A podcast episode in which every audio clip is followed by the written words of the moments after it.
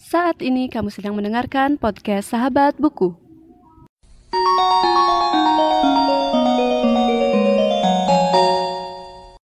Sebelum mendengarkan episode kali ini, jangan lupa follow podcast Sahabat Buku di Instagram di @podcastsahabatbuku. Selamat mendengarkan.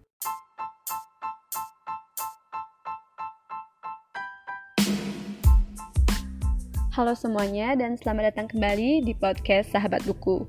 Oke, jadi di review kali ini aku bakal membawakan sedikit review dari buku Laskar Pelangi karangan Andrea Hirata. Jadi aku yakin teman-teman di sini pasti udah nggak asing banget dengan judul buku ini karena kita semua tahu kalau uh, novel Laskar Pelangi adalah salah satu novel paling terkenal di Indonesia dan juga banyak banget yang udah uh, baca aku yakin dan uh, novel ini juga sudah diadaptasi menjadi film. Jadi uh, kita mulai aja. Novel ini memiliki jumlah halaman yang cukup uh, tebal yaitu 529 dan pertama kali diterbitkan pada tahun 2005. Uh, seperti biasa, salah satu penerbit terbesar di Indonesia yang menerbitkan buku ini, buku ini yaitu Bentang Pustaka. Novel ini memiliki lanjutan yaitu Sang Pemimpi, Edensor dan Mariamah Karpov.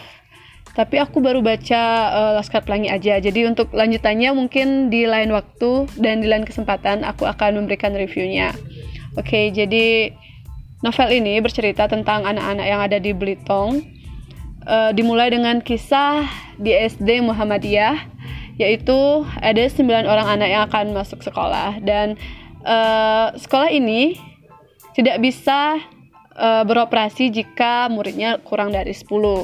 Maka waktu itu uh, sang kepala sekolah yang bernama Pak Harfan Effendi Nur dan ibu guru satu-satunya yaitu ibu muslimah uh, di SD Muhammadiyah ini harap-harap cemas uh, akankah anak-anak yang sudah menunggu dan beserta orang tuanya akan bisa bersekolah uh, maksud saya uh, apakah anak-anak yang nantinya akan mendaftar di sekolah ini akan bisa bersekolah atau tidak?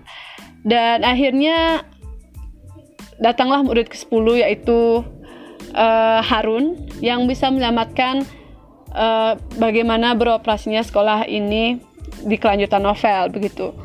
Dan sekolah SD Muhammadiyah ini bisa dikatakan adalah salah satu sekolah yang uh, kurang memadai dibandingkan dengan sekolah uh, seperti yang diceritakan oleh Ikal yaitu sekolah di PN Timah di mana di sana anak-anak di sekolah tersebut memiliki uh, fasilitas yang sangat mumpuni dibandingkan dengan SD Muhammadiyah.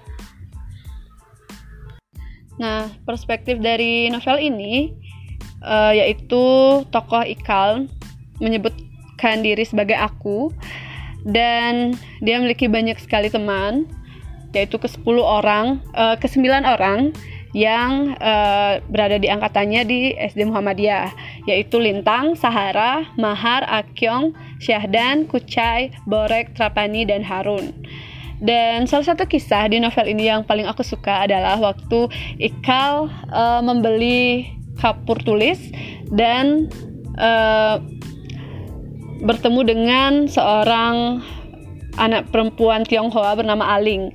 Jadi Ikal nanti ceritanya kayak cinta monyet gitu deh sama Aling dan itu seru banget menurut aku ceritanya karena dia tuh kayak modusnya itu membeli uh, kapur di tokonya Aling gitu.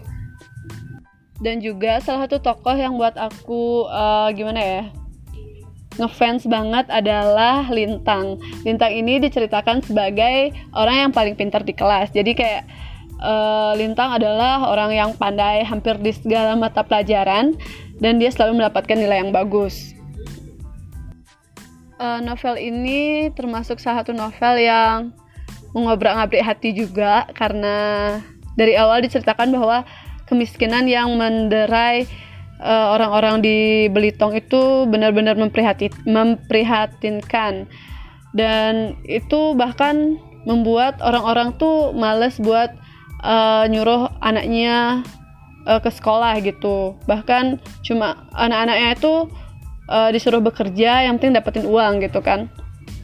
Namun ada orang-orang yang juga memiliki pemikiran maju seperti orang tua dari Ikal gitu yang pengen anaknya uh, masuk sekolah dan di sini juga kelihatan gap antara orang-orang miskin dan orang-orang kaya atau kesenjangan sosial gitu yang ditunjukkan dari uh, perbedaan orang-orang yang um, yang orang tua yang merupakan pekerja di PN Timah dan bos-bos yang ada di PN Timah tersebut.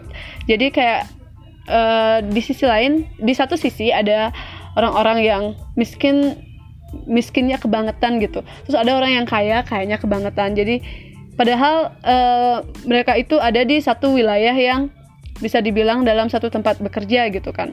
Tapi uh, terdapat banyak sekali perbedaan antara mereka. Untuk lebih lengkapnya, teman-teman bisa baca novelnya dan mungkin novelnya masih tersedia di toko-toko buku terdekat karena novelnya termasuk novel yang cukup lama juga. Aku kurang tahu, bisa dilihat di uh, toko buku atau mungkin bisa pre-order di uh, bookstore inter di internet yang mungkin bisa kalian cari nanti. Oke, jadi aku nggak terlalu banyak ingat ceritanya kayak gimana, soalnya aku bacanya udah cukup lama ya, sebulan atau ya sekitar sebulan yang lalu.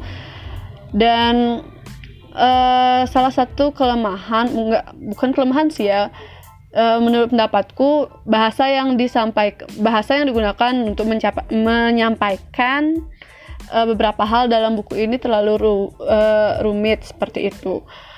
Uh, kalian bakal ketemu sama bahasa uh, mungkin istilah dari bahasa Latin gitu, yang istilah-istilah biologi atau untuk tanaman seperti itu. Jadi itu yang ngebuat aku agak gimana ya waktu baca tuh bingung gitu kan sampai beberapa kali sempat googling apa sih yang dimaksud sama penulis di novel tersebut.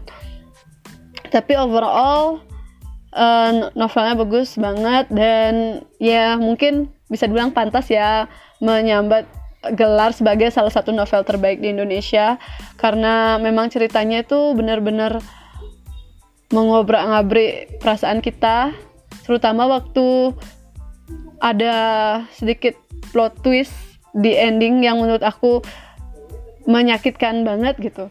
Jadi menurut aku penulis uh, Andrea Hirata itu benar-benar canggih banget ya dalam um, menarikan bahasa maksudku uh, menuliskan kata-kata untuk membahasakan novelnya gitu ya.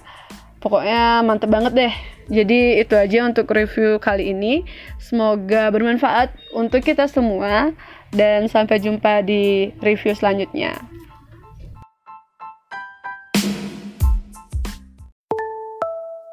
Terima kasih sudah mendengarkan podcast Sahabat Buku. Bagi pengguna Spotify, jangan lupa follow.